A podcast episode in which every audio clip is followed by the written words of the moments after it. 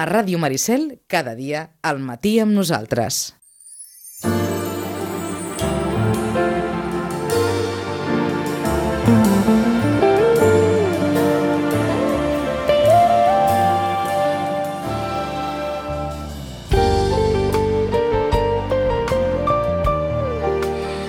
Quart d'onze del matí amb el suport de la representació de la Comissió Europea a Barcelona, la Diputació de Barcelona, l'Ajuntament de Sitges, la Secretaria d'Afers Exteriors de la Generalitat de Catalunya i la col·laboració d'Eurolocal, benvinguts a una nova edició de l'Hora d'Europa. En la Setmana d'Europa, que culminarà amb el Dia d'Europa, la celebració del Dia d'Europa, aquí Sitges el proper diumenge amb un concert au Salvador del Palau Maricel, el dia en què entrevistarem Agustí Oliet, que és, entre altres coses, membre del Consell Català del Moviment Europeu, i el senyor Manel Camós, que és, en aquest cas, director de la representació de la Comissió Europea a Barcelona des de l'any 2005. Joaquim Villam, bon dia, bona hora. Molt bon dia. Bàsicament, què és el Consell Català del Moviment Europeu? Bueno, el Consell Català del Moviment Europeu és la branca catalana de lo que és una organització a nivell europeu, que és el Moviment Europeu Internacional, que es va fundar justament ja fa més de 60 anys eh, per, per entitats de la societat civil que el que volien també era construir Europa des de la vessant de la societat civil. I haig de dir que eh, nosaltres, el Consell Català va ser dels primers que es va constituir aleshores a l'exili, a la seu a París del govern basc a l'exili, i eh, juntament amb el Consell Basc del Moviment Europeu. Per això el Consell Espanyol del Moviment Europeu és Consell Federal, poder de les úniques coses que són federals en aquest, en aquest estat espanyol, perquè es va tindre que constituir a posteriori, i per tant per això el, el, el Moviment Europeu Espanyol és el Consell Federal Espanyol del Moviment Europeu. Déu-n'hi-do. Eh? Refresquem la memòria. Què és la Comissió Europea?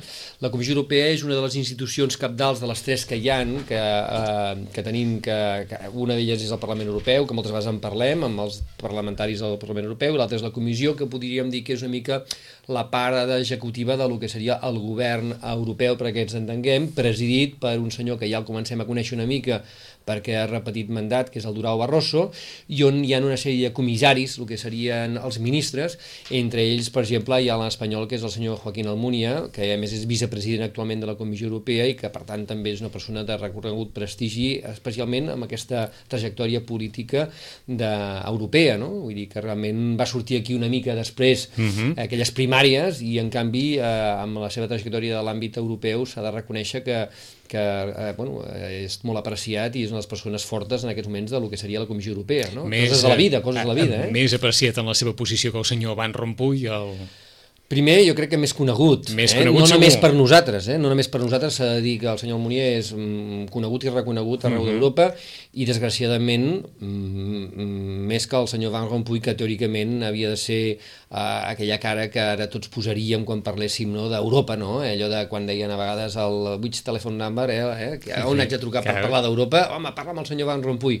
Hem vist que aquesta era la teoria, la pràctica tothom acaba agafant després parlant amb el Sarkozy, amb la Merkel, etc etc etc. Tindrem ocasió de comentar-ho, però per també tenir-ho ben clar, què és el Tractat de Schengen, Joaquim?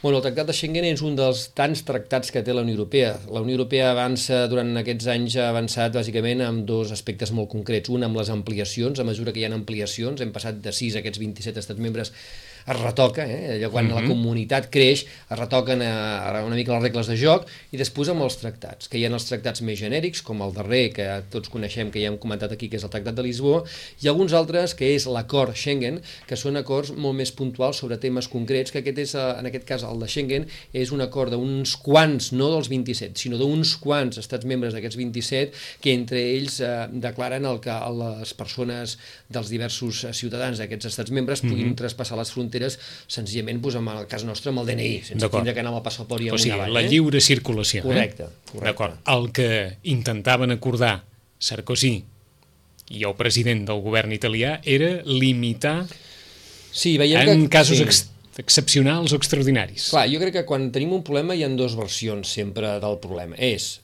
aquest problema vol dir que hem de fer més a Europa, per tant, vol dir que no hem tingut la resposta al problema i per tant hem de millorar la resposta al problema que tenim, aquesta és una versió, i després hi ha la versió al contrari.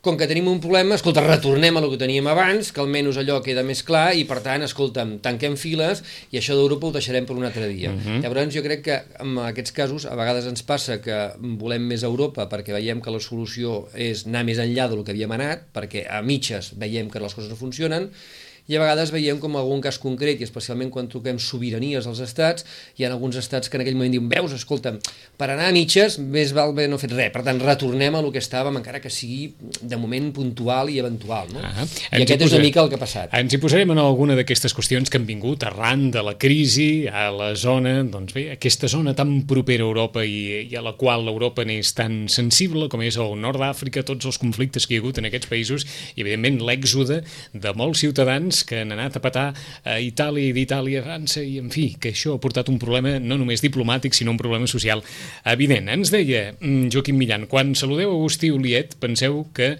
el senyor Oliet està treballant ara en una commemoració, esclar, ens queda tan lluny aquell 1 de gener de l'any 86, quan Espanya va entrar a la Comunitat Econòmica Europea i tothom en feia sorna i tothom deia ara què, què ens diran els europeus de nosaltres? Senyor Agustí Oliet, bon dia, bona hora. Hola, bon dia. Sou, en aquest cas, membre del Consell Català del Moviment Europeu i esteu treballant, doncs això, en aquest 25è aniversari, no?, entre altres coses?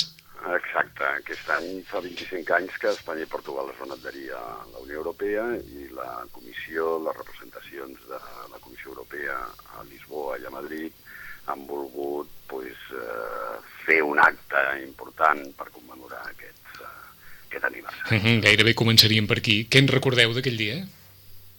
Perdó? Què en recordeu d'aquell dia, si podem començar per aquí? Sí, jo recordo, bueno, jo recordo el 12 de juny del, del, de l'any 85, que va ser el dia que mm, es va, es va signar el, els tractats. A més, és un, és un fet important perquè és l'única vegada que un mateix tractat s'ha signat dos cops. Eh? Per, per evitar suspicàcies entre Portugal i Espanya, es va signar al matí el tractat al Palau de los Jerónimos, a Lisboa, i a la tarda es va signar el mateix tractat al Palau d'Orient a, a Madrid. No? Eh, bé, jo recordo que estava a Madrid justament i vaig tenir l'oportunitat després d'anar a prendre unes copes amb el comissari Marín, eh, bueno, l'excomissari en aquell moment era Sí. el secretari d'Estat per les relacions amb la Unió Europea i celebrar pues, un fet que per, jo considero, i dins de la meva militància europea, que ha estat capdalt per, per la nostra societat. Recordeu fins i tot eh, els detalls d'aquella conversa i si tothom assenyalava com semblava traspoar-se de l'esdeveniment una transcendència històrica del que succeïa en aquell moment? Sí, jo recordo que va ser un dia molt... Hi havia molta eufòria. No? Eufòria perquè jo penso que el fet més, més important, tant, tant en el cas de Portugal com en el cas d'Espanya, era el- aconseguir el, el ficar els nostres països amb, un, amb una eh, estabilitat política que, que tant Portugal com Espanya no havien tingut en els anys anteriors. No? I penso per mi que és el fet més, més important més important de tots, a part del fet econòmic i de la rellevància que ha tingut el, la nostra incorporació a la Unió Europea de cara a la millora de les condicions de vida dels ciutadans, però fonamentalment penso que el més rellevant de tot és l'estabilitat política que gràcies a la, a la pertenència a la Unió Europea hem aconseguit. Mm, eh, Dues qüestions per, eh, per començar, i una d'elles segurament vindria a l'entorn de la vocació d'aquests 25 anys, d'aquest quart de segle, de tot el que ha passat, de fins a quin punt la, la Unió Europea ha decidit o no ha decidit, o ha obrat per acció o ha obrat per omissió amb alguns dels conflictes que l'han afectada, i sobretot com s'ha anat desenvolupant tota aquesta eh, construcció eh, europea. Mm, si ens haguéssiu de dir, o, o si intentéssim eh, que aquesta valoració dels 25 anys assenyalés per una banda alguna decepció en el sentit que no s'ha pogut acabar d'aconseguir encara quelcom que en el seu inici, o almenys en el, en el cas espanyol, es veia amb una certa perspectiva, què, què en diríeu? Si en aquests 25 anys hi ha alguna cosa que continua sent una espina que, que en el seu dia semblava allò, mira, podem aconseguir-ho i encara estem darrere de hores d'ara? Bueno, jo citaria dos. Una molt local, eh? uh Mhm. -huh. que és el, diria que és el fet del català. Eh? El, el català que no ha estat incorporat com un idioma, una llengua oficial dins de, de la Unió Europea. Penso que això és una decepció que, que ens toca al, al poble de Catalunya. No? I ja més general, jo diria que és el... bueno, hi hauria un, un parell. El, el, el que representa Europa en el món, que és un soft power, no, no hem aconseguit tenir una, una importància a l'hora de les decisions estratègiques a nivell de, de política internacional, i ho mencionava fa poc el senyor Millan quan, eh, quan referia a aquest tema de que encara no participem com un bloc a les negociacions internacionals i l'altra seria la indecisió de la creació de la Unió Econòmica i Monetària i és el fet de que no tenim una política monetària autèntica, pura, i això està, en aquest moment estem pagant les conseqüències. Mm. Abans de desenvolupar una mica, les virtuts si haguéssiu de fer el mateix pel que fa referència a les virtuts, allò positiu... Les virtuts, eh, ho, deia anteriorment, és l'estabilitat política que hem guanyat en aquest país.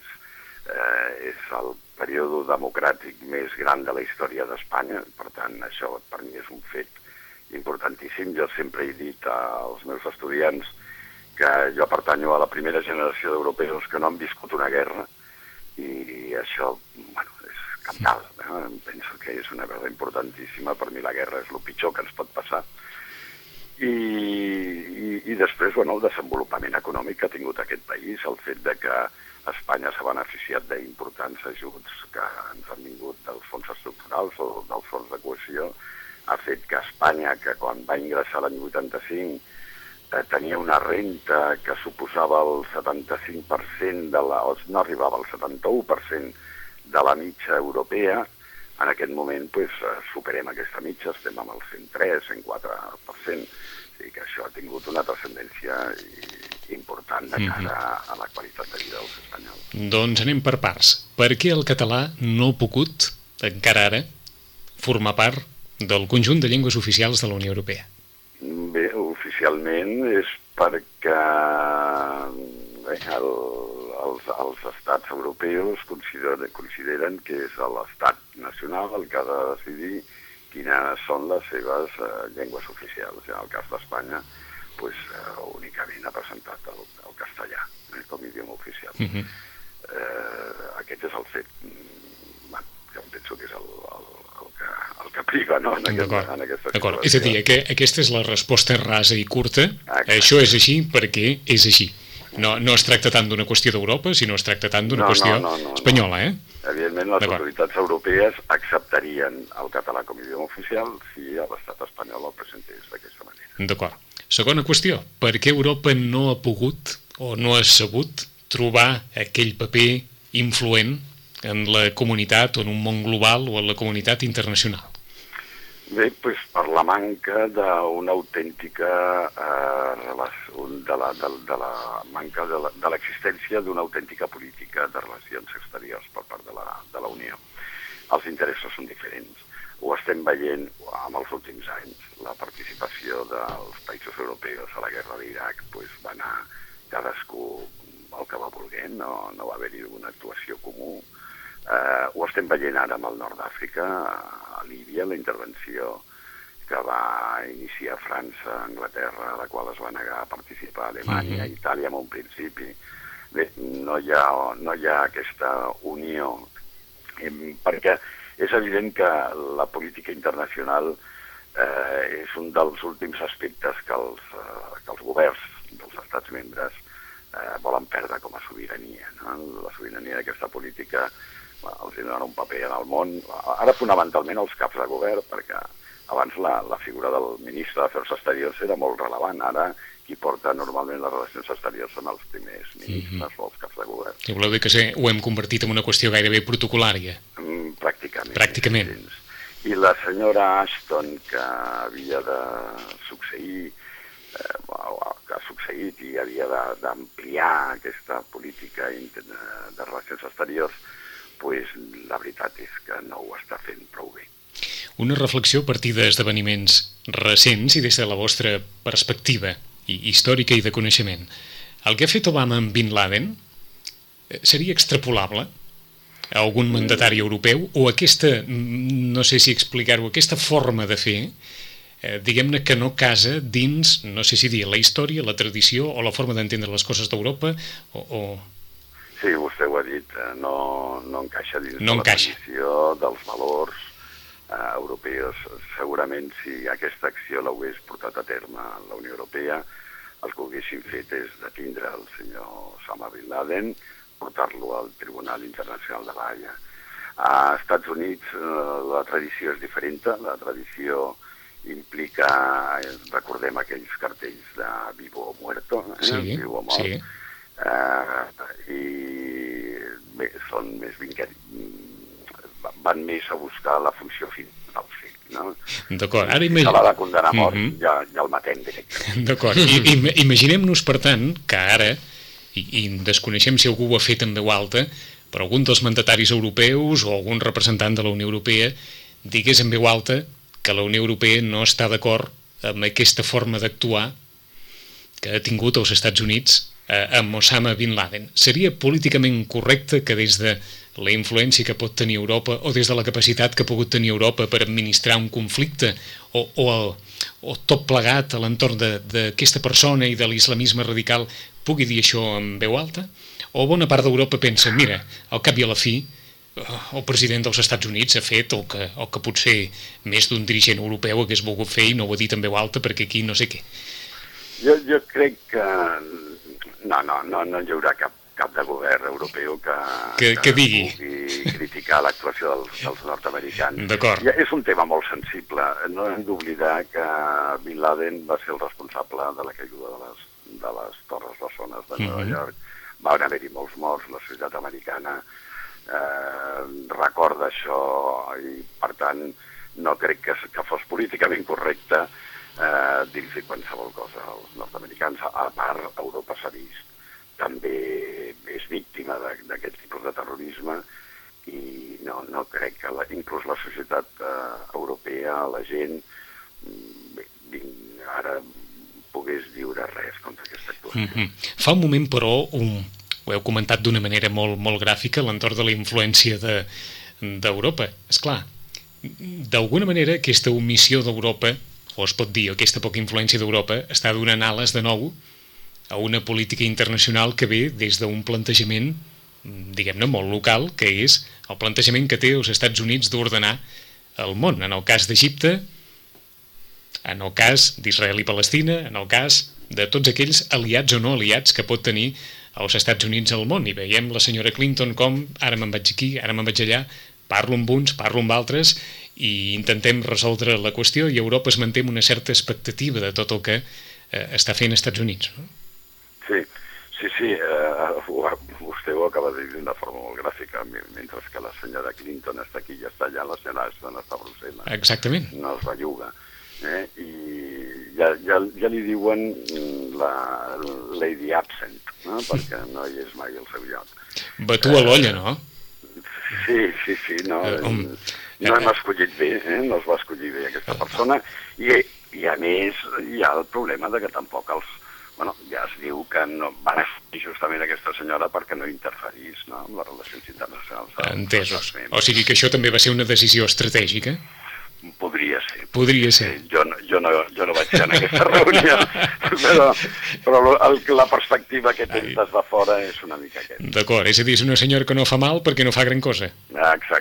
Ah, Exacte, ah, exacte. més o menys. Mare de Déu. Indudablement és, és curiós perquè la, la política de relacions eh, exteriors de la Unió Europea, que abans del Tractat de, de Lisboa tenia menys possibilitats de fer coses, el senyor Solana va fer moltíssimes Mhm. més, però moltíssimes més que les que està fent en, en aquest moment la senyora Ashton. La senyora Ashton està creant un servei de diplomàcia europea, molt, això és molt britànic, no? que que és el que correspon a, a, a la nacionalitat d'aquesta senyora, però mm, bé, darrere d'això no, no estem veient que, que s'estigui fent gran cosa. O, o sigui que acabarem pensant que Solana, que gairebé va ser l'home que mm, es va crear el càrrec a, a partir de la seva actuació, va ser un cas tan singular que va néixer i va morir amb la seva marxa de la Unió Europea, el càrrec que em refereixo, el Mr. Pesc de, de Solana, va néixer amb Solana i gairebé dona la sensació que no, que no hi haurà hereu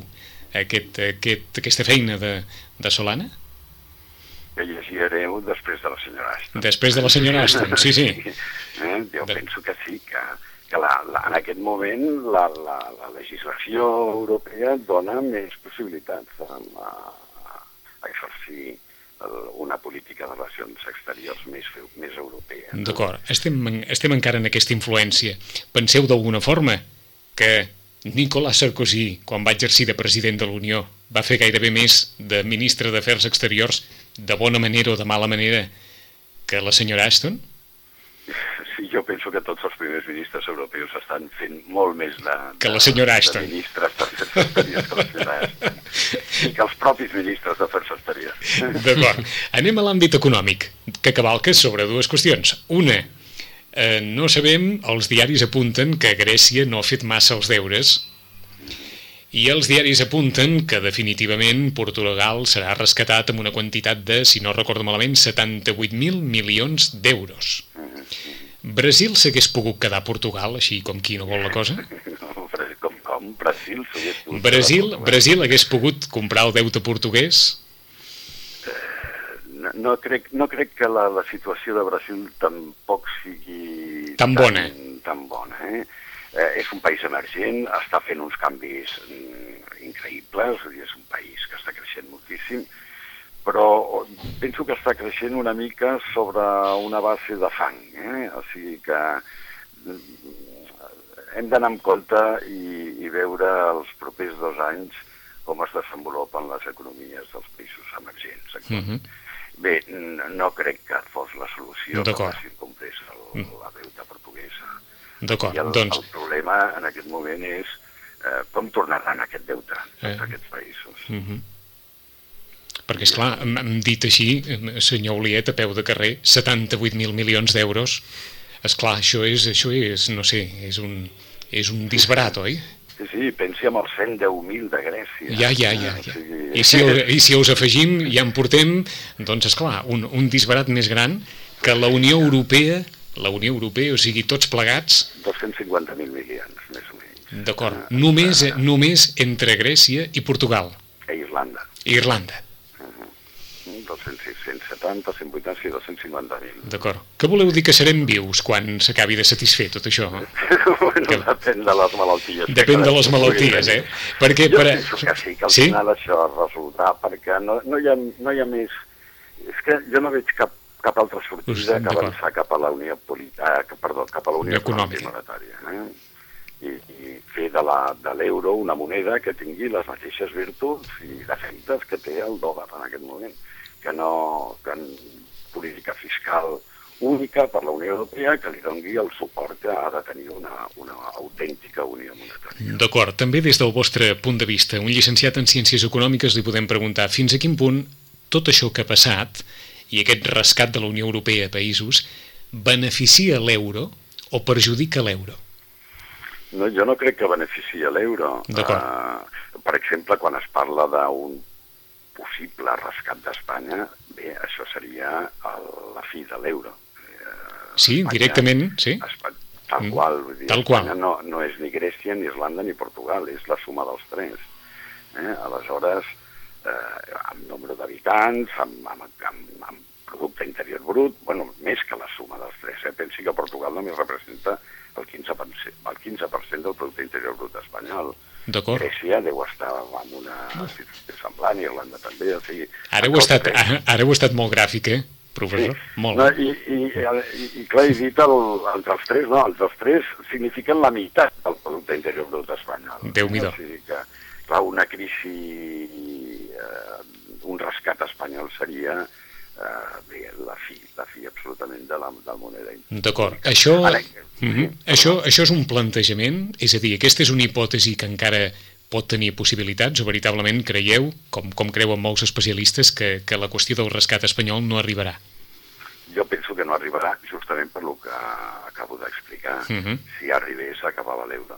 Aleshores, a ningú li interessa. Recordi que el mes de maig, quan Espanya estava, maig, ara fa un any, quan una situació molt delicada, molt delicada, i al senyor Zapatero li costava molt prendre les mesures que Mhm.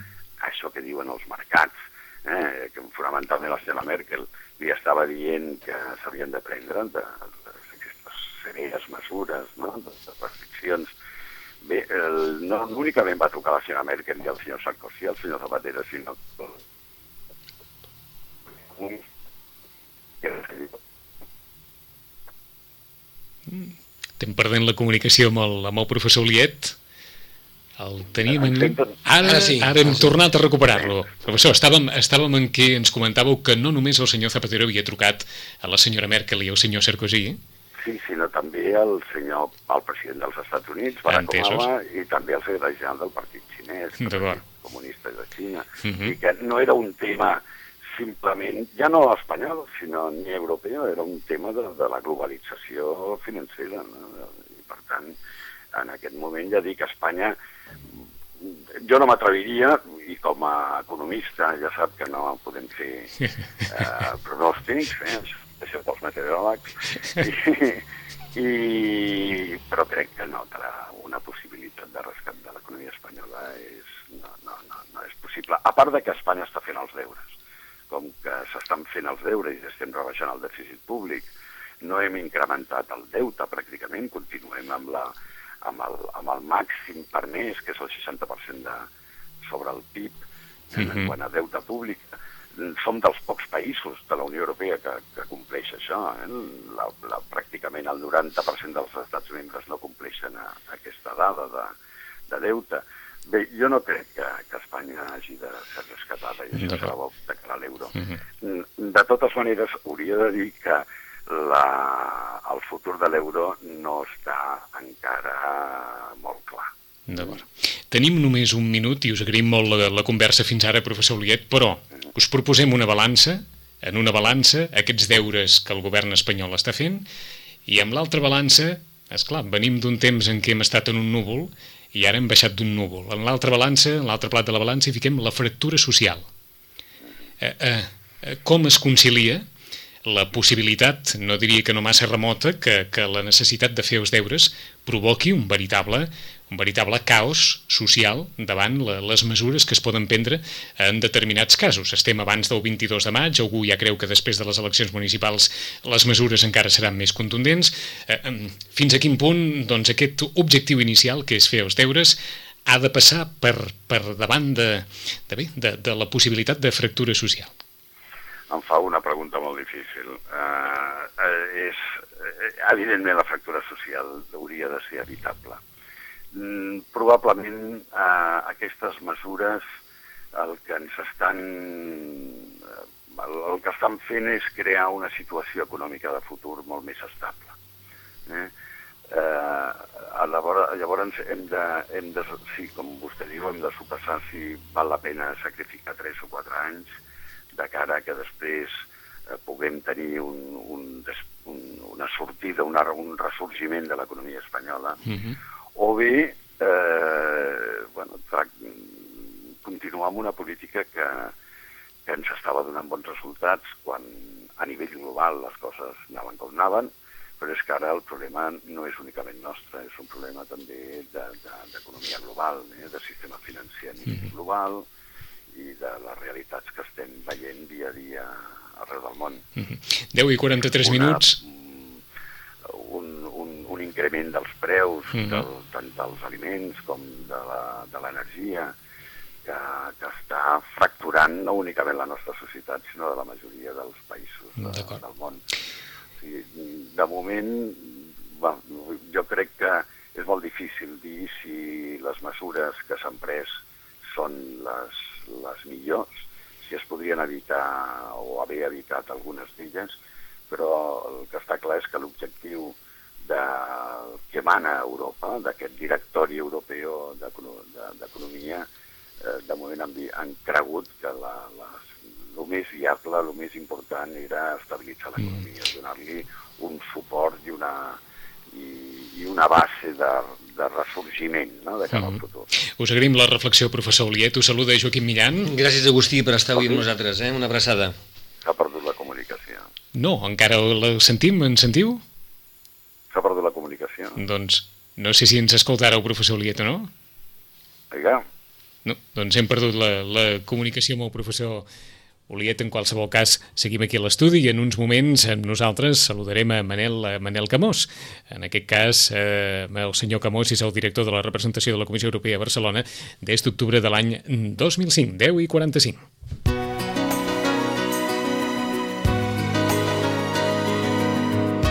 En uns moments, per tant, saludarem a Manel Camós. Llàstima que hem, que hem acabat la, la conversa amb el professor Oliet d'aquesta manera, una qüestió de, de, de la telefonia mòbil que ja s'intuïa en algun moment de, de la conversa. Sembla ser que no hi ha massa sortida, eh, aquesta qüestió, o passar pel tub i avall. Jo penso que el que deies tu de la fractura social és veure fins a quin punt són capaços de gestionar aquestes mesures perquè la fractura social que en alguna manera sabem i són... Bueno, de fet ja existeix en algun cas concret, ja estem veient com que realment doncs, hi, ha, hi ha un cost social que estem començant a pagar eh, sigui el menys possible i que aquest sacrifici que fem el fem conscients per realment, quan arribi el moment, eh, ressorgir com estava dient el senyor Liet, no?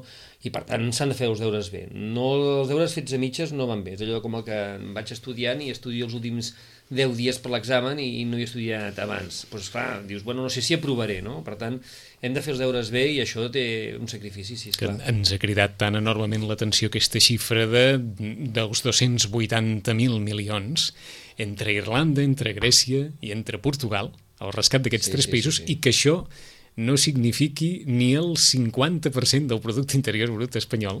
Ah, és, aquest és un altre eh. tema, les xifres ja arriba un moment que et perds. Sí, eh? perquè nosaltres tenim aquella sensació que estem molt malament, i estem molt malament, però resulta que tot i estar malament, el nostre producte interior brut és superior en molt, en molt, en molt, a la suma de Grècia, Portugal i Irlanda, que Correcte. són tres països rescatats. I el professor Oliet ha estat així de clar. Si mai s'ha de rescatar Espanya, a l'euro l'enterrem i cadascú i això suposo que seria un, un fracàs d'aquells grossos, grossos. Un fracàs i un drama, perquè no és tan senzill tornar enrere i, a més a més, doncs, com també deia el senyor Oliet, les, i, la interrelació econòmica a nivell intern europeu, però també d'Europa a l'extern global, estem veient que, doncs, que fa molt complicat i seria no solament un fracàs, sinó un desastre, un desastre.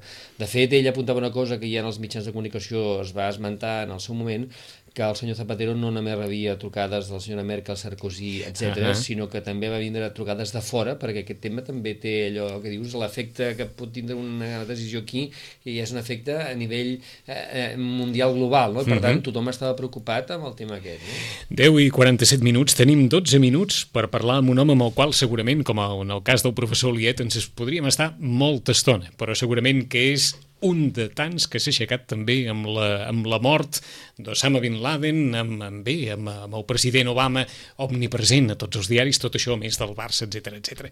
El senyor Manel Camós. Manel Camós, bon dia i bona hora. Hola, bon dia. El senyor Manel Camós és director de la representació de la Comissió Europea a Barcelona des d'octubre del 2005. Una qüestió d'aquelles d'actualitat eh, així punyent. Quan us heu despertat, heu vist els diaris, heu pensat que Obama i els Estats Units continuen sent els guardians d'aquest món global? No, miri, jo penso que estem en un món, per sort, multipolar, que hi ha unes potències eh, molt importants, però no són úniques, sinó que les decisions, per sort, es prenen moltes, no accions com aquesta, però moltes es prenen a nivell de Nacions Unides o amb altres fòrums internacionals. El món present i el futur o és un món de diàleg, de consens i de trobar posicions comuns o és un món que no pot funcionar. Heu tingut, però, la sensació que, arran del, dels darrers esdeveniments, la projecció internacional i mundial d'Obama és bastant semblant la projecció o aquella imatge tòpica o molt instituïda d'uns Estats Units com a, com a punta de llança de moltes coses? Bueno, és evident, els Estats Units és punta de llança de moltes coses, eh, sobretot en política exterior en política exterior, els Estats Units té l'avantatge que no tenim a la Unió Europea, que dins de la Unió Europea són 27 estats membres i la política exterior no està comunitaritzada. Vol dir que per fer alguna a nivell de política exterior s'han de posar d'acord els 27 ministres o 27 caps d'estat i de govern. Això és una gran diferència. En altres aspectes, aspecte econòmic, eh, bueno, pues la Unió Europea, 500 milions d'habitants, eh, econòmicament és més forta en plan comercial que Estats Units i que qualsevol altra potència. Eh, senyor Camós, feu valer la diferència com es pot enriquir una societat que té doncs, punts de vista diferents i que els posa en comú i suposo que el, el principal problema davant de com està el món és que aquestes siguin solucions poc pragmàtiques, les d'Europa, no? que tot s'hagi de consensuar molt, que tot hagi d'anar d'una manera que, que d'alguna forma en aquest món que demana solucions immediates, a Europa li costi molt arribar a solucions relativament immediates si ha de, si ha de posar d'acord els seus 27 estats. No? Miri, jo això no ho crec perquè el Tractat de Lisboa permet prendre les decisions d'una manera molt més ràpida i àgil. Miri que avui hi ha una notícia, com ja ha passat una mica desapercebuda, que penso que és molt important, l'he llegit al diari, que és que Nacions Unides reconeix a la Unió Europea com veu única representant dels 27. O sigui que Nacions Unides, a més dels 27 estats membres, també hi serà la Unió Europea. Això és un pas endavant d'aquest reconeixement eh, de que la Unió Europea té que avançar cap a aquesta veu única i política exterior. Miri també vostè que amb el Tractat de Lisboa el Consell de Seguretat de Nacions Unides, en aquest moment hi ha quatre estats de la Unió Europea, dos fixes i dos que estan bueno, rotatius. No? Bé, doncs la Unió Europea, segons el Tractat de Lisboa, pot i ha de parlar en nom de tota la Unió Europea quan hi ha una posició comú, cosa que passa més i més sovint. Des del vostre punt de vista, però, des de el testimoni d'un espectador de, de la realitat europea, fins a quin punt creieu que la Unió Europea ha perdut o no pes específic en la seva influència dins les decisions del món? No, miri, jo, jo crec que no ha perdut pes. Això es diu perquè aquí a Europa eh, tenim, ens fixem en les dificultats immediates, per exemple, el tema d'immigració, mm. França i Itàlia, sí. sempre anem en lo immediat i no veiem més a mig i llarg terme el que s'està fent per unificar més Europa amb el nostre lema, que és units en les diferències, o sigui, respectem les diferències. Eh, jo penso que no, que no estem perdent. Ara, s'han vist precisament amb aquests moments de crisi, i la crisi econòmica és el que té que estar en primer al front de tot, s'han vist en aquests moments que hi han deficiències en la nostra forma de funcionar, però aquestes algunes s'estan corregint. Quines deficiències serien, senyor Camós? Bueno, doncs miri, deficiències, per exemple, amb el plan econòmic, eh, vostè sap molt bé que 17 països dels 27 de la Unió Europea tenim una moneda única, que és l'euro. Uh mhm. -huh. Bé, tenir una moneda, tenim una política monetària, és a dir, tenim un banc central europeu, moneda i banc. En canvi, no tenim política econòmica més coordinada, no dic unificada, però coordinada. Eh, això, amb la crisi, s'ha vist molt clarament que no es pot tenir una moneda sinó una política econòmica. I ara s'estan prenent mesures molt importants que no ens n'adonem i li donaré un exemple d'una. Els estats membres avui dia han de presentar a la Unió Europea els pressupostos, la idea de pressupostos de l'any següent, inclús abans de presentar-ho al Parlament del seu estat, el Parlament Nacional. Uh mhm. -huh. I al mateix temps els estats membres tenen que presentar un plan de reducció del deute acumulat.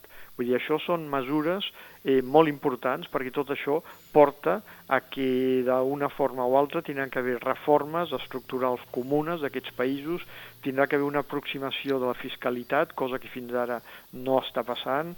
Aleshores, vull dir que això, en aquests moments de crisi, realment són avanços molt importants que es produeixen, malauradament per la crisi, però es produeixen. D'acord. Uh, senyor Camós, a partir de les seves paraules, quan us referiu a una aproximació de la fiscalitat, sí. algú pot interpretar-ho com que l'estat espanyol eh, té una fiscalitat que encara està bastant allunyada del que paguen eh, la resta d'estats a Europa? Miri, això depèn de quin estat comparem. Eh, és veritat que com a mitja la fiscalitat aquí al nostre país és més baixa. Encara que ens pugui semblar que és molt alta, eh? Encara que ens ho sembli i, i, i tenim raó segurament, però bueno, és baixa. El, el que passa que quan s'analitza fiscalitat s'ha de veure també els serveis que l'Estat dona. O sigui, quan es parla d'aproximació o coordinació de fiscalitat no vol dir que totes han de ser igual. Eh, vol dir que no es poden produir eh, diferències flagrants. Per exemple, al cas d'Irlanda vostè sap sí. que les empreses que s'estableixen estableix a Irlanda tenen una fiscalitat que és mm, la meitat o més baix de la meitat dels altres països de la Unió Europea. I bueno, el govern irlandès no ha volgut renunciar no ha volgut, a tocar de, això, no? De moment no ha volgut renunciar, de moment. Vull dir, perquè això, veu, és una diferència flagrant, que això sí que pot arribar a distorsionar el que volem que funcioni bé, i està funcionant, que és aquest mercat únic europeu. D'acord, i qui pot obligar el govern irlandès a dir-li, escolti'm, si nosaltres venim a rescatar-lo, eh, aquí no hi ha més volta de full, o això ho regularitza vostè, o si no... Miri, dins de la Unió Europea hi han coses que es fan perquè hi ha un mandat, hi ha una directiva, hi ha una legislació, i hi ha altres que es fan per consens. En aquests moments, en la legislació a la mà, fins on jo sé, crec que no es pot obligar a Irlanda a fer el que no volen fer. Ara, ara bé, ara bé, fixis, Irlanda depèn d'uns deutes, d'uns préstecs del Fons Monetari Internacional uh Mhm. -huh. i del Banc Central Europeu. El Banc Central Europeu, si Irlanda no afluixa, els préstecs poden ser, eh, diguem, més suaus o més d'usos. Mm. O sigui que hi ha instruments. Per poder obligar d'alguna manera eh, a reconsiderar aquestes postures. Eh? Exactament, entrar en una posició més raonable, solidària amb els altres estats membres. Fa uns moments parlàvem amb el professor Agustí Bliet, eh, professor de, de, de SADE i vocal del Consell Català del Moviment Europeu. Eh, ell ens ha deixat aquesta xifra tan astronòmica que ens ha marejat a tots, de la suma dels rescats de Portugal, de Grècia i d'Irlanda. És a dir, allò que la Unió Europea eh, haurà de ficar sobre la taula per rescatar aquestes tres economies. Li plantejàvem l'hipotètic rescat d'Espanya i el senyor Oliet ens deia, ras i curt, que si mai la Unió Europea s'ha de plantejar el rescat d'Espanya, de, que plegui l'euro perquè ja no, cal, ja no valdrà la pena que contemplem l'existència de l'euro. Eh, com valoreu aquesta reflexió? No, miri, no puc entrar a veure aquesta reflexió perquè nosaltres no considerem aquesta hipòtesi que vostè m'està assenyalant. Entesos. I, i, I això ho veiem als mercats. Els mercats, vull dir, estan tractant... Ma, malgrat que, miri, a nivell internacional, sobretot determinada premsa, està contínuament passant aquest missatge que Espanya no va bé, Espanya no va bé, però després el que està jutjant això són els mercats. Els mercats fins ara no han traduït això de la forma que aquesta premsa ho està dient. Aleshores, nosaltres com a Comissió Europea, vamos, és que això ni ho contemplem. D'acord. Senyor Camós, els mercats també s'han comportat, jo no sé si dir d'una manera molt, molt paranoica, des del punt de vista del ciutadà, eh? Allò, un, dia, un dia ens diuen, escolta'm, el mercat diu que el mercat ara, el mercat amunt, el mercat avall, hem estat tots depenent d'algú que s'ha espantat, no s'espantava, s'espantava l'endemà. I, I, aquesta forma de comportar-se dels mercats és normal, dit així? Miri, els mercats el que volen és seguretat. Els mercats són no ho sé què són, vostè tampoc, vull dir... És un entelèquia, això, eh? Ah, exacte, bueno, no, no tant. Eh? no tant, no tant, no tant. Vull dir, però hi ha inversions molt volàtils de fons d'inversions i altres, d'especuladors, de molta gent. Bé, aleshores, en el cas d'Espanya, el missatge que s'ha passat és que s'estan fent les reformes adequades. I això és el que la gent ha entès. Esclar, això, al millor internament, algun partit polític ho paga més que un altre, però avui dia a Espanya s'estan fent les reformes. I això la Comissió Europea, que miri que és crítica, mm -hmm. eh, bueno, ho ha dit i ho ha repetit, Espanya està fent la, la seva feina, que no l'ha completat, eh? No l'ha mm, completat. Doncs una qüestió final que hem plantejat també aquest matí. Imagineu-vos una balança, en un plat de la balança hi ha totes aquestes mesures que està posant en marxa l'estat espanyol per col·locar-se tal com cal i que la Unió Europea li valora i en un altre plat de la balança la possibilitat que l'aplicació d'aquestes mesures creï una fractura social que porti veritablement molts problemes al, al carrer. Què creieu que és prioritari? Anem a veure, jo penso que les dues coses són prioritàries, perquè vostè, fixis, si no es fan aquestes reformes, eh, estem en la impossibilitat de créixer i generar ocupació.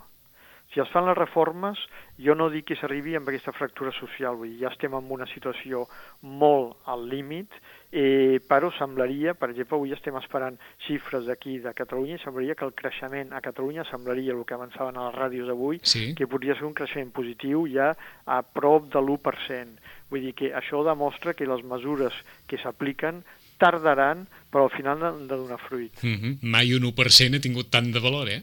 Ah, exactament. I bueno, és un 1%, eh? Sí, sí, bueno, però miri, però hem tingut altres xifres negatives, o sigui sí, que això sí. realment, i veurem això en l'ocupació, a veure l'impacte que pugui tenir. Està clar. Senyor Camós, us saluda Joaquim Millan. Què tal, Manel? Moltes gràcies per compartir amb nosaltres aquest programa especial que dediquem a la Setmana d'Europa. Moltes gràcies a vostè. Gràcies, adeu-siau, molt bon dia. Molt bon dia. Parlàvem de la Setmana d'Europa perquè aquesta setmana es clou el proper diumenge amb, entre altres coses, el concert del Dia d'Europa a Sitges, eh? Correcte. Aquí a Sitges celebrarem, com ja fa bastants anys, la Setmana d'Europa en diversos eh, activitats. La primera activitat és justament aquest programa que fem avui, per tant encetem aquesta, aquestes activitats amb el programa dediquem avui especial al Dia d'Europa. Després tindrem contes d'Europa a les dues biblioteques, uh -huh. tant a la Biblioteca Roig i Reventós aquest divendres a les 5 com a la Santiago Rossinyol el dissabte a les 12 del matí. Continuarem celebrant la, la Setmana d'Europa amb el concert del Dia d'Europa al Saló d'Or del Palau Maricel, com ja és tradicional. És el 12è concert, concert. que fem a Sitges el diumenge 8 al Saló d'Or del Palau Maricel a les 7 i acabarem al Maria Usó el mateix dilluns 9 de maig, Dia d'Europa, a les 3 de la tarda. Amb I la bandera d'Europa. l'himne i, bueno, i tallers que fan els nanos. Dilluns 9 de maig, Dia d'Europa. Joaquim, gràcies una vegada més. A vosaltres. En un mes tornarà l'hora d'Europa. Són les 11, 5 minuts, i tornem després de les notícies. Fins ara.